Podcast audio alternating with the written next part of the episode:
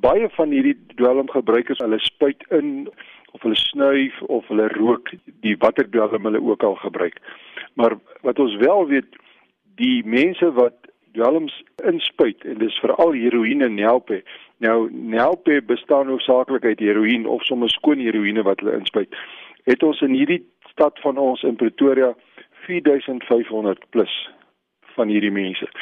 Hoe werk julle spuitnaald omruil program wat julle het juis om te fokus dan op mense wat veral dwelms gebruik met spuitnaalde? Jy weet, hulle gebruik 'n naald en stuur hom aan vir sy vriend of vriendin en die gebruik hom. Nou as soos jy spuit kom daar van jou bloed aan. En as jy in jou bloed HIV virus het of hepatitis C, dan stuur jy sommer saam met die naald die virus ook aan. Onlangs 'n navorsing het gewys minstens 50% van die mense wat inspuit is HIV positief. Maar die skokkende is meer as 90% van hulle is hepatitis C positief. Nou hepatitis C tas jou lewer aan en dit kan uiteindelik dodelik wees. Daarom, ter wille van die gesondheid van mense, ruil ons om. Ek het saam met sulke spanne al meer as een keer geloop. Ons kom by 'n groep mense, hulle bring hulle 20 naalde, gooi dit in 'n drom, dit word vernietig en ons gee hulle 20 skoon naalde met water waarmee hulle hulle kan skoonmaak, eh, gedistilleerde water en so meer sodat hulle wat hulle doen skoon kan doen.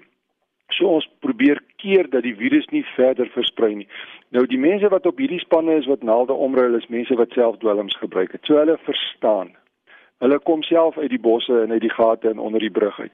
En hierdie omruiling van naalde het ook die heerlike gevolg dat hulle maak kontak, hulle kry vertroue en hulle kan vir 'n jong man of 'n jong dame nooi en sê kom hier's 'n program wat die stad aanbied ons kan vir jou help Nou behalwe hierdie benadering, is daar enige ander metodes wat die metroraad gebruik om dwelmmisbruik in die metro te verminder? Ons stuur nie mense na 'n uh, rehabilitasiesentrum toe nie. 5% van daai mense bly skoon. Wat ons doen, ons het 'n program en ons noem hom in Engels Community Oriented Substance Use Program. Al wat dit sê, 'n man begin dwelms gebruik of 'n meisie begin dwelms gebruik omdat hulle probleme het. Nou, As ons dan so 'n persoon opneem in ons program en ons het 8 sulke klinieke dwars oor die stad.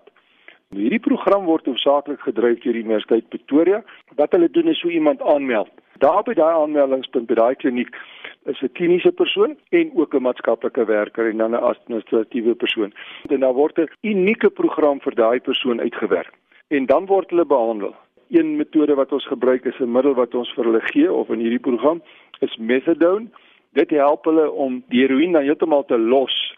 Dan op die pad volgens die plan wat uitgewerk is, word die persoon se sielkundige probleme aangespreek, sy huislike probleme. En as daar meer en meer herstel kom in die persoon se selfwaarde styg, dan gee ons opleiding vir sulke mense sodat hulle uiteindelik 'n werk kan kry. En ons lei ook die ma's en pa's en familie op om hierdie mense te ondersteun